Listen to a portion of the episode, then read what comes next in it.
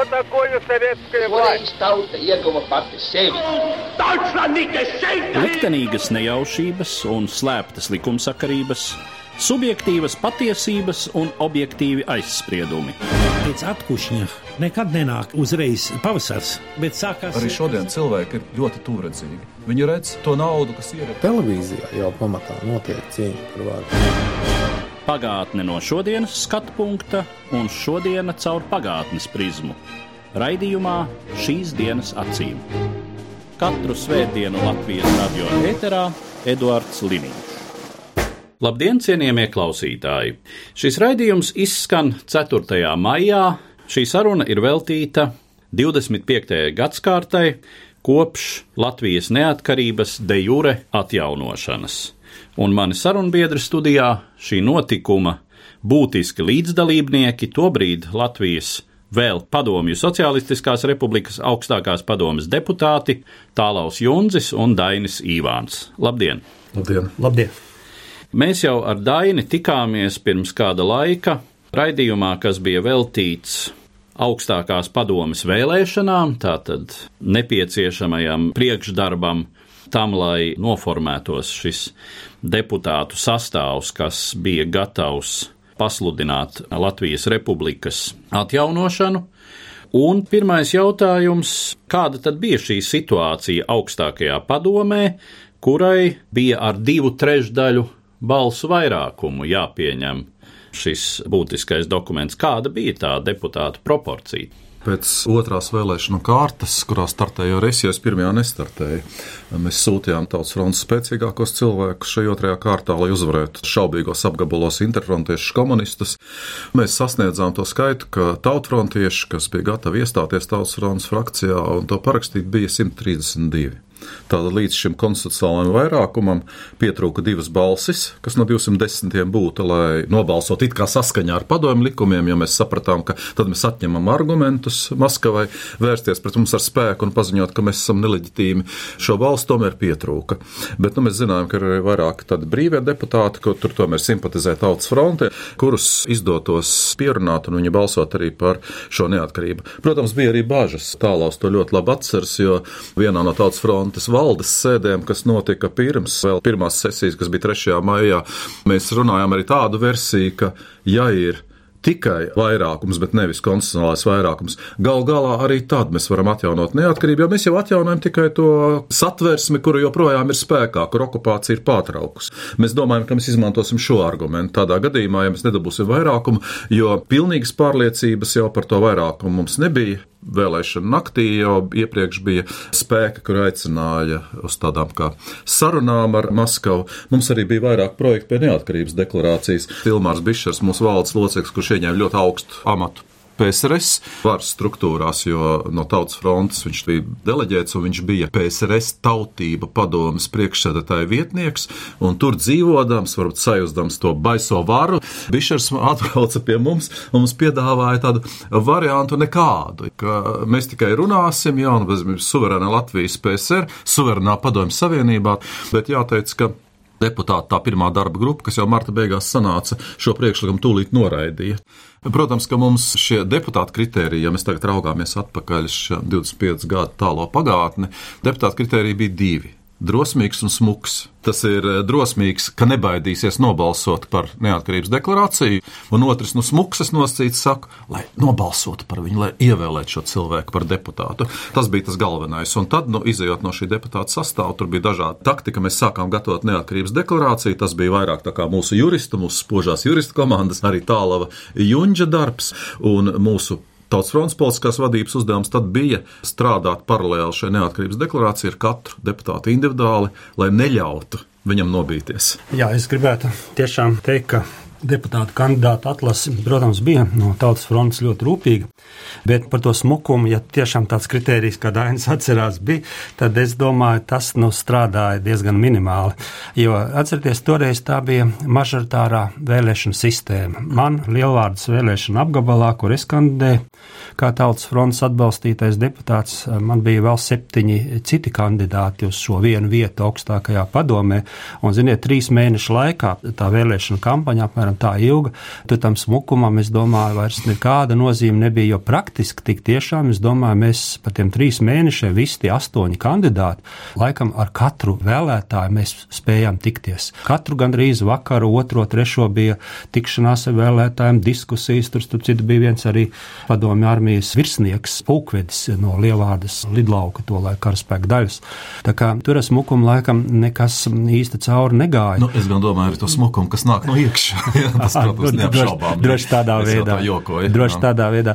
Bet uh, varbūt šai sakarā nu, man jāatzīst, ka es priecājos, ka es arī tagad dzirdu, un uh, to teica arī 1993. gadā Antolijs Gorbanovs atceries Dāni, viņš teica, ka tik kvalitatīvi pēc deputāta sastāva augstākā padoma, kāda bija 90. 93. gadā, tāda noteikti vairs nebūs. Tik tiešām laikam viņš eh, redzēja, ko nozīmē jau tā vēlēšana sistēma, kas patreiz pastāv proporcionālā.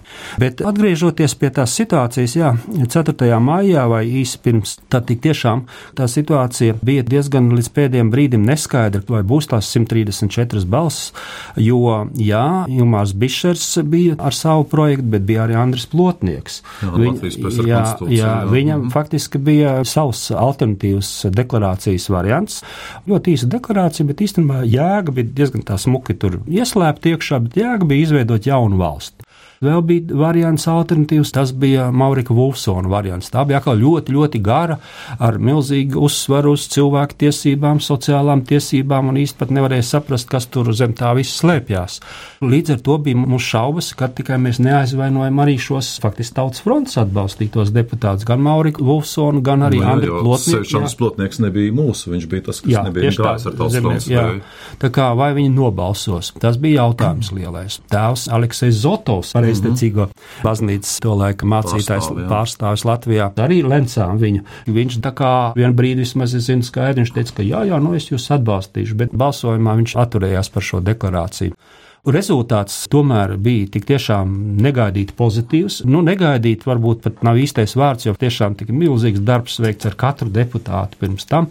Un rezultātā 138 nobalsoja to 134 vietā, kas bija tas divu trešdaļu minimums. Kritiskā robeža. Jā. Bet vēl viens tāds arguments, 21. aprīlī mēs Dainu arī piedalījāmies tā konferencē, kur atcerējāmies, ka pirms 25 gadiem 1990. gada 21. aprīlī Daugavas stadionā Rīgā sanāca 8086 vietējo padomu deputāti. Tur bija gan visi līmeņi - Latvijas PSR, jaunievēlēti un PSRS. Tieši kopā, tā, jā. tieši tā, jā, tur bija Bet, nu, bet, pamatā pārsvarā, vietējie, pārsvarā jā. protams, vietējo no visas Latvijas. Un tur arī bija tas vēsturiskais balsojums jau 21. aprīlī, ka Latvijai jāiet uz pilnīgu neatkarību.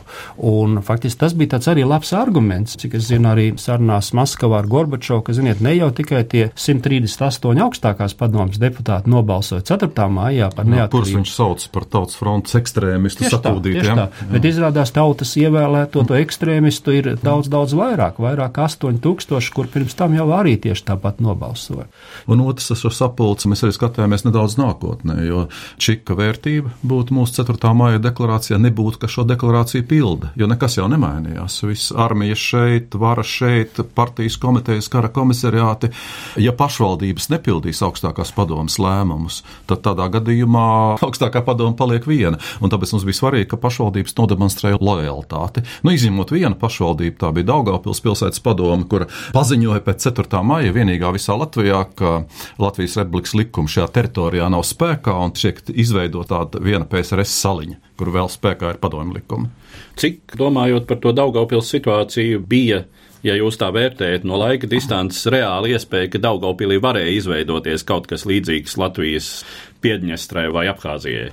Daugopils bija plānota. Lukānaus jau man padraudēja 88. gadā, kad Daugopilī ir gatavs Anklaus scenārijs.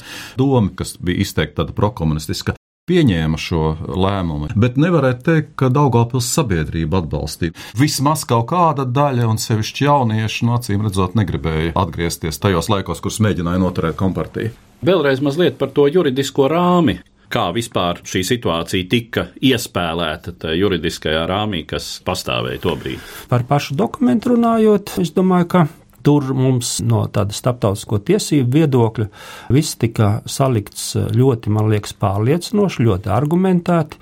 Citiem vārdiem mēs šodien varam lepoties no starptautisko tiesību viedokļa. Deklarācija ir uzrakstīta ļoti labi. Viņa jau darbojas joprojām kā atzinuši tiesību eksperti. It kā lietuviešiem bija radikālāk, tūlīt pat, un mēs pasakām, mums ir neatkarība, bet mēs joprojām turpinām procesu, lai pilnībā atbrīvotos no tās padomu impērijas. Bet uh, Kremlis Gorbačovs jau neuztvēra šo atšķirību, jo 14. maijā sekoja Gorbačova dekrēts iesaldēt šo deklarāciju, kas izraisīja savukārt 15. maijā šos organizētos militāristu nemierus pie augstākās padomas, jo viņi uzskatīja, ka mums saskaņā ar Gorbačova dekretētu jāatstāj šī zāle un jāuztic vara visdažādāko satelītu organizāciju pārstāvjiem. Jūs jau piesaucāt vairākus alternatīvus variantus, no kuriem tātad viens it kā pozitīvs, bet uh, tomēr būtiski atšķirīgs. Tātad mēs veidojam jaunu valsti. Mēs no šodienas distances ļoti labi saredzam, cik svarīgi bija tieši Latvijas Republikas neatkarības atjaunošanas princips, kas saglabā nepārtrauktu valstiskumu bet cik lielas bija svārstības un kādi bija argumenti par deklarācijas pieņemšanu pozitīvi noskaņoto deputātu vidū. No tāda šodienas analīzes viedokļa tas jautājums, kādu īsti mēs valsts atjaunojam, bija strīdīgs visu to periodu, sākot no 89. gada vasaras, kad um, Tautas frontes valde izvirzīja apspriešanai jautājumu par neatkarību. Šis jautājums īstenībā nebija īsti skaidrs līdz pat, es teiktu, martam 1990. gadam. Mm. Vismaz um, pēdējā brīdī, jā, pēdējā brīdī faktiski, jo Tautas fronte jau arī savā vēlēšana platformā runāja par neatkarības atjaunošanu, bet īstenībā tur nebija pateikts, vai tā ir neatkarības atjaunošana tādā veidā, ka mēs vienkārši izveidojam valsti. Protams, kādreiz vēsturē ir 18. gadā viņa jau bijusi, vai arī mēs to neatkarību saprotam kā pilnīgi jaunas valsts izveidošanu. Un tikai faktiski ķeroties pie šīs 4. māja deklarācijas, pirmajā augstākās padomes Latvijas Tautas frontes frakcijas deputāta sanāksmē, tā notika 21. martā. Tur arī tas jautājums gandrīz vai tā viennozīmīgi izšķirās, ka mums ir jāatjauno neatkarīga valsts, kas jau pastāvēja, pamatojoties 1922. gada konstitūciju. Un, man liekas, jau arī martā, aprīlī strādājot pie deklarācijas, par to vairs strīdu nebija. Diskusijas gāja par to, vai to darām radikālāk, ātrāk. Starp citu, pirmajos variantos nebija arī šis pārējais periods, tas parādījās tikai aprīļa beigās, vai arī līdzīgi kā Igaunijas, starp citu, viņi arī 30. martā viņa deklarācijā bija tikai runa par to, ka viņi sāk neatkarības atjaunošanu. Sarunas process, jā, sāk process, faktiski veidot neatkarību. Mums bija daudz radikālāk. Mums tas nosacīti igauņu variants, mēs to saucām par minimālo variantu.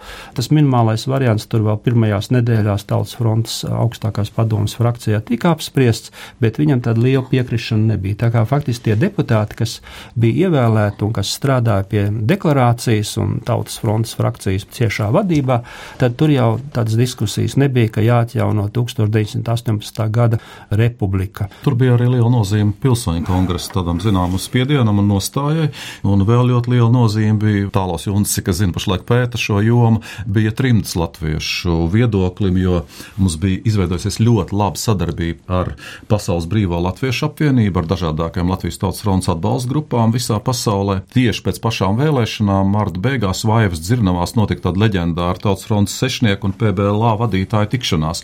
Dažas lietas, kas mums bija neskaidras no šī tiesiskā viedokļa un startautiskā, viņi apskaidroja, un tad jau izkristalizējās tas, ka mēs atjaunosim šo neatkarību. Nu, un, protams, arī Egīla Levita faktors. Viņš atbrauc jau ar gatavu uzmetumu, kā tomēr arī starptautisko tiesību speciālists. Viņš to ļoti labi argumentēti pamatoja.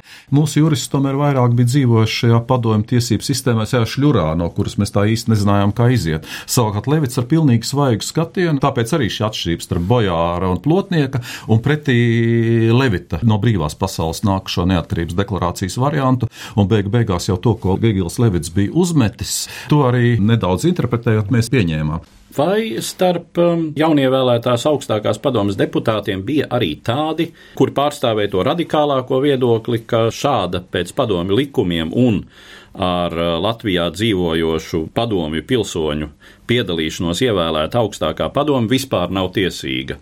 Pieņemt šādu deklarāciju, kas nozīmētu, ka tai būtu pašai jāpārtrauc sava darbība un tad kaut kā tas notiktu tā sauktajā starptautiski tiesiskajā ceļā. Viss jau tā jēga, 4. māja deklarācijas un argumentācija tieši ir tāda, ka augstākai padomē ne tikai tiesības, viņas pienākums ir atjaunot starptautisko tiesību pārkāpumu, kas notika 1940. gadā okupējot un anektējot Latviju. Tā kā tajās redzamākajās sabiedriskajās organizācijās, ieskaitot pilsoņu kustību un pilsoņu kongresu, tur nebija neviena tāda iebilduma, ka augstākai padomē nebūtu tiesības izvēlēties ceļu uz neatkarību. Tieši otrādi 15. maijā Latvijas komiteja, kas ir pilsoņu kongresa veidot institūcija, nāca pat klajā ar tādu publisku paziņojumu, ka viņa atbalsta šo deklarāciju, kura ir tiesiska un tiešām ved uz neatkarību. Pilsoņu kustība, kas, protams, ir vērtējama ļoti pretrunīgi un daudz varbūt tur arī kļūda tika pieļautas, arī tautas fronte pietika kļūda, protams, bet viņi ir devusi savu ieguldījumu noteikti Latvijas neatkarības atgūšanā, un, kā jau Dainis teica, arī 4. māja deklarācijas to juridisko nostādņu formulēšanā. Tur jau svarīgi bija arī tas, ka starp deputātiem šīs domstarpības nevarēja rasties, jo tie radikālākie pilsoņu kongresi un daži nacionāla radikāla organizācija spēki, kur uzskatīja, ka mūsu piedalīšanās jau vēlēšanās pašas par sevi ir padomju varas leģitimizāciju, mums nav nekāda tiesība, ka viņi aicināja uz vēlēšanu boikotu, kas nu, vispār bija diezgan liela problēma mums, lai nesašķeltu tautu. Mēs mēģinājām pārliecināt, kas nav tas pareizais ceļš. Nu, viņi jau nebija iekļuvuši deputātu korpusā. Tāpēc arī tik liela domstarpība nebija. Es domāju, vairāk bija uz to mīksto pusi tā vilkšana tai deklarācijai. Jā, Dainis pareizi pieminēja, bija 1809. gada decembrī, Jā. kad sākās gatavošana augstākās padomas vēlēšanām. Tad eh, tiešām pilsoņu kustība draudēja ar to, ka varētu boikotēt šīs augstākās augstākās padomas vēlēšanas, jo tiešām tā bija padomu vara.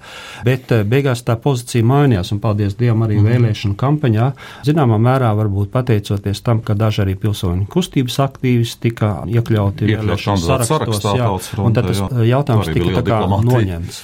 Un atkal no otras puses, tagad statistika rāda, ka augstākā padomē no tiem deputātiem, kas arī beigās nobalso par Latvijas neatkarību, 17 bija pilsoņu kongresa delegāti. Arī man bija tas gods piedalīties šajā kongresā un balsot arī tur.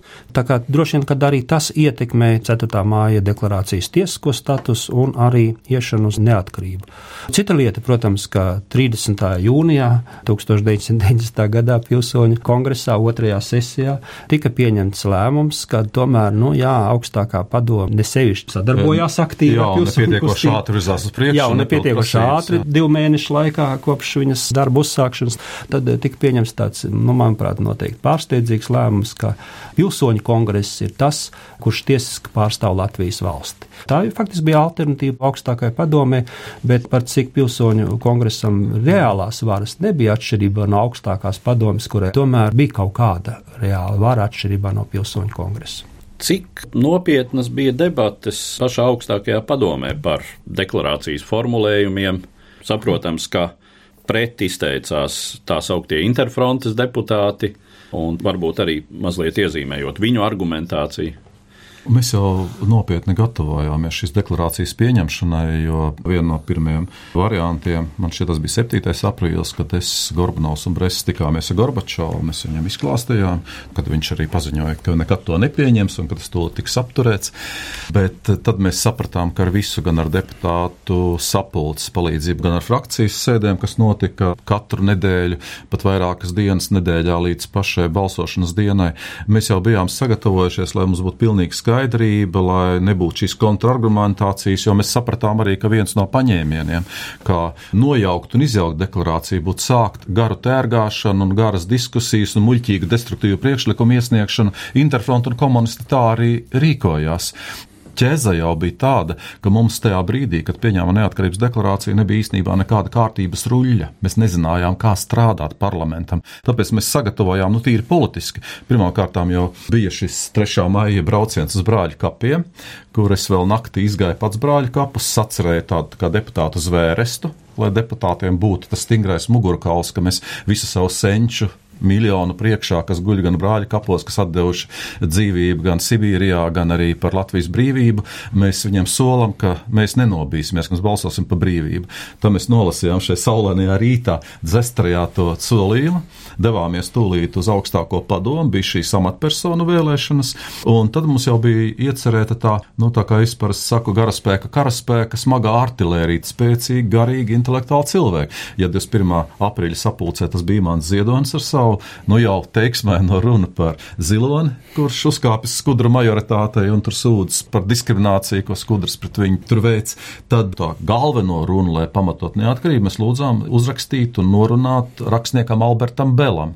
Tur bija savu funkciju arī Maurikam Vulfsonam un arī Itai Kozakēvičai, kura ļoti spēcīgi to arī nacionāla minoritāšu vārdā pateica. Tāpēc jāsaka, ka pašā sēdē vairs tāda liela diskusija nebija. Es pat zinu, ka es ar tautas frontes priekšsēdētāju autoritāti man vajadzēja apzvanīt gandrīz katru deputātu vēl iepriekšējā naktī un teikt, draugs, tev blakus būs tāds deputāts, tu paskaties, vai viņš nenobīsies, uzsit viņam uz pleca, lai viņš balso par neatkarību, izveidot tādu sistēmu, lai tomēr, nu, tā kā mēs viens otru pieskatītu. Jo viens var nobīties, viena var kaut kā apmuļķot, bet visi kopā tomēr mēs esam spēks. Kaut arī pašā sēdē atkal parādījās daži jauni projekti, bet mēs jau bijām tam taktiski gatavojušies, un tie tika ar balsojumu vairākumu tūlīt pat noraidīt un apsprieda jau to tekstu, kas bija sagatavots. Bet, Dāņi, te jau bija jautājums par to opozīciju, par līdztiesību. Tie gan darīja visu iespējamo, lai divas dienas to darbu vestu strupceļā. Un es tiešām šobrīd arī neatceros varbūt visas tās detaļas, bet faktiski viena liela daļa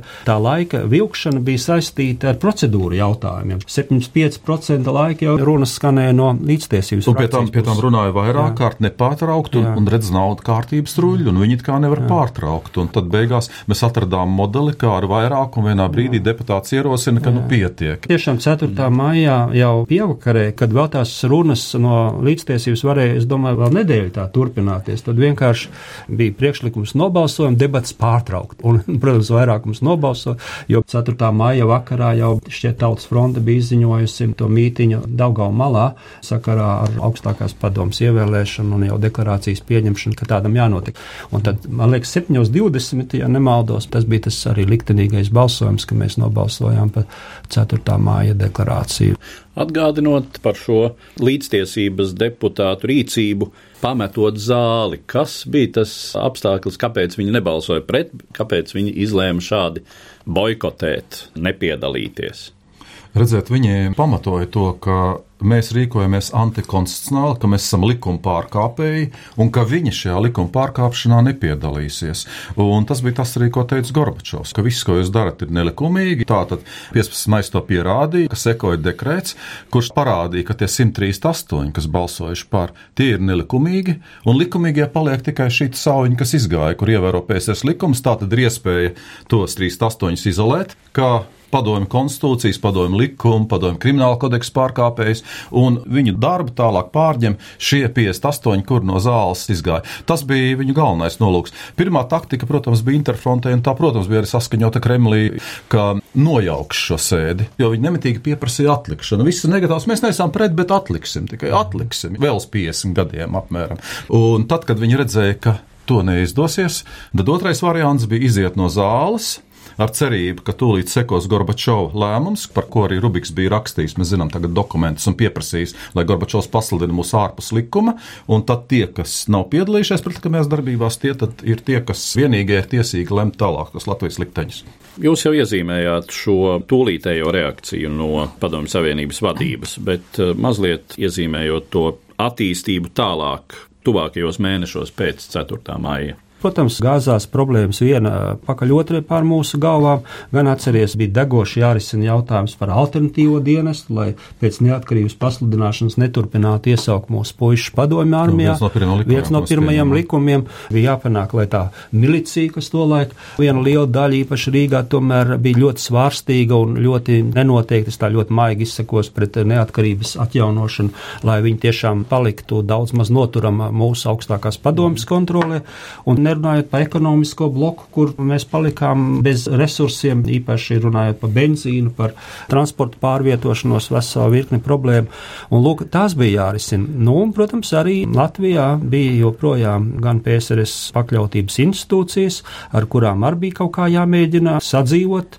Izveidojās divas prokuratūras 90. gadā, viena, kas turpināja pildīt PSRS ģenerālprokurora rīkojumus un padomu likumus, un otru, ko mēs izveidojām ar augstākās padomas lēmumu likumu.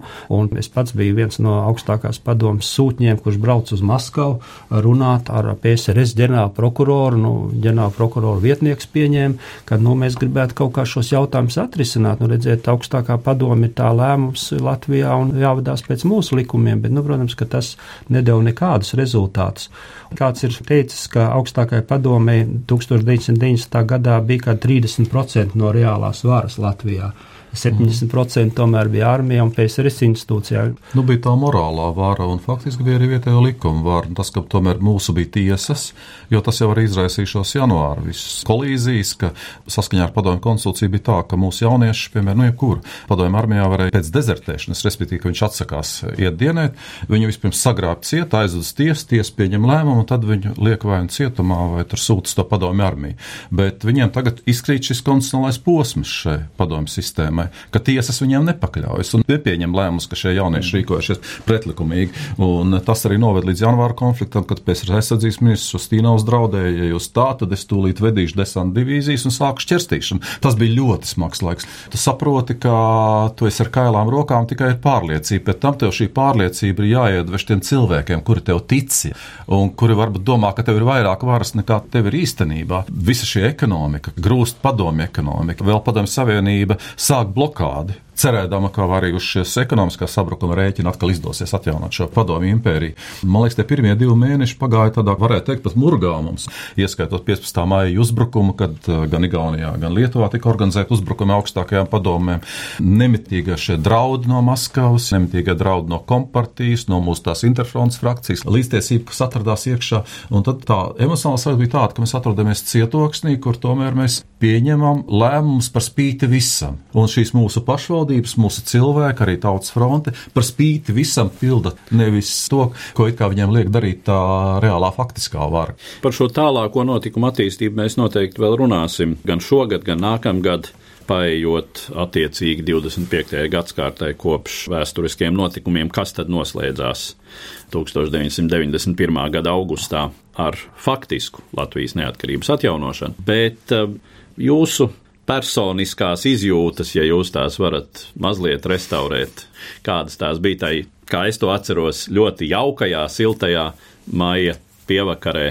Es atceros situāciju zālē, augstākās padomas sēžu zālē pēc 4. māja deklarācijas. Gorbanovkungs vadīja to laiku plenāru sēdi, un tad, nu, beidzot, balsis bija saskaitītas, un visi bija nobalsojuši, un 138 bija pārliecinoši pateikuši jā neatkarības deklarācijai, un uz ielas, protams, tauta visu laiku ar saucieniem atbalstīja un skaitīja līdz tam balsīm, cik ir par neatkarību. Un Gorbanovkungam, protams, kā sēdes vadītājiem, to laiku bija tāda sarežģīta situācija, viņam laikam arī tāds zināmas bailes, ka tur kādas nesākās arī provokācijas uz ielas. Viņš bija diezgan nobijies, lai nu, tikai godu. Ļoti rezervēts. Lai, Un man liekas, arī deputāti, mēs bijām, man likās, pēc tāda ļoti, ļoti smaga darba, jo tiešām tie visi mēneši gatavojoties tai sesijai un balsojumam, tie bija ļoti smagi. Un man likās, tas sejas arī bildēs, mēs tagad redzam, tas drusi nogurušs tajā zālē pēc tā balsojuma. Bet tad, kad izgājām ārā uz ielas, kad tie cilvēki ziediem rokās ar milzīgu sajūsmu, ar asarām acīs, nu tad es vismaz tā īsti sajūtu, ko mēs esam izdarījuši. Un, protams, arī tas mītiņš Daugavs krastmā malā, kur tika atbalstīts šis mūsu balsojums. Man liekas, tas bija tiešām tāds vainagojums gan tai deklarācijai, gan tai dienai, gan arī mums deputātiem, kas balsoja. Tas nozīmē ļoti daudz, jo es, tā, es teicu, ka nekā jau nobalsoja, nekas nemainās.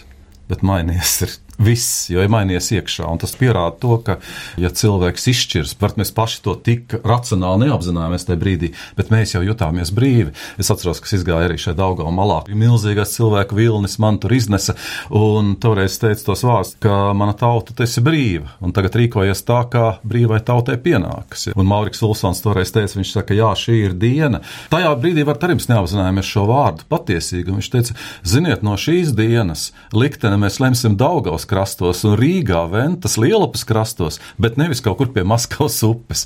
Kā cilvēki to uztvēra? Vispār to dabūju pārliecināties pagājušajā nedēļā, aizmirsu maksājumu karti bankomātā. Un pieprasa man zvana banka, kāds vīrietis Nikolais ir to karti atradis, un es ar viņu sazvanos, es braucu pēc kartes, viņš man tur gaida. Un viņš saka, ah, tas esat jūs? Jā, tas esmu es. Viņš saka, apsveicu svētkos. Viņš saka, es stāvēju kā sestā kursa medicīnas students, toreiz pie jēka baznīcas sienas. Viņš saka, kādas atmiņas manī. Viņš pilnīgi nevar redzēt, viņam asaras acīs šim Nikolajam, tā kā es nododu sveicienu Nikolajam, bet tas nozīmē, ka tas bija svarīgi ne deputātiem vien, kas balsoja, tas bija svarīgi pilnīgi visiem, kas mums sekoja. Es pat atceros, ka Pēters Laķis te rītā stāstīja, ka viņš gājas pirkt puķus un tanteņa viņam neņem naudu, saka, tas zied tirgotavā. Viņa saka par to atneziet mums brīvību. Pēters saka, bet nu, uzreiz jau varbūt vēl nē. Viņi saka, ne uzreiz vajag to brīvību. un tik daudz laimīgu seju es Latvijā Rīgā neesmu redzējis ne pirms, ne pēc tam. Nekad es Latvijā neesmu redzējis ne pirms, ne pēc tam, kad cilvēki masveidīgi paceļ otrā pasaules kara uzvaras zīmi Viktoriju, jo patiesība jau tāda bija. Tajā brīdī mēs paši, mēs izbeidzām otro pasaules karu savā teritorijā. Un jāsaka tā, ka šis arī tevis atstāstītais jaukais gadījums par Pēteru Laķi un Ziedu sieviņu uzreiz, protams, brīvība neiestājās tāda, kādu to varbūt kāds iedomājās, tā sacīt, rīt uz brokastu laiku. Un tā patiesība jau ir tāda, ka šī brīvība jau ir jāīsteno pastāvīgi un ikdienas. Un katrai paudzei no jauna, no jauna, no jauna jāapstiprina šī izvēle. Vai mēs atsakāmies šai izvēlei, vai mēs paceļam rokas, laižamies dibenā, vai mēs ejam uz priekšu tādā garā, kā tas notika 4. maijā. Ar to es arī noslēdzu mūsu šodienas sarunu un saku paldies toreiz Latvijas PSR augstākās padomas deputātiem un 4. maija deklarācijas īstenotājiem Dainim Ivānam un Tālavam Junzim. Katru svētdienu Latvijas radio viens par pagātni sarunājas Eduards Liniņš.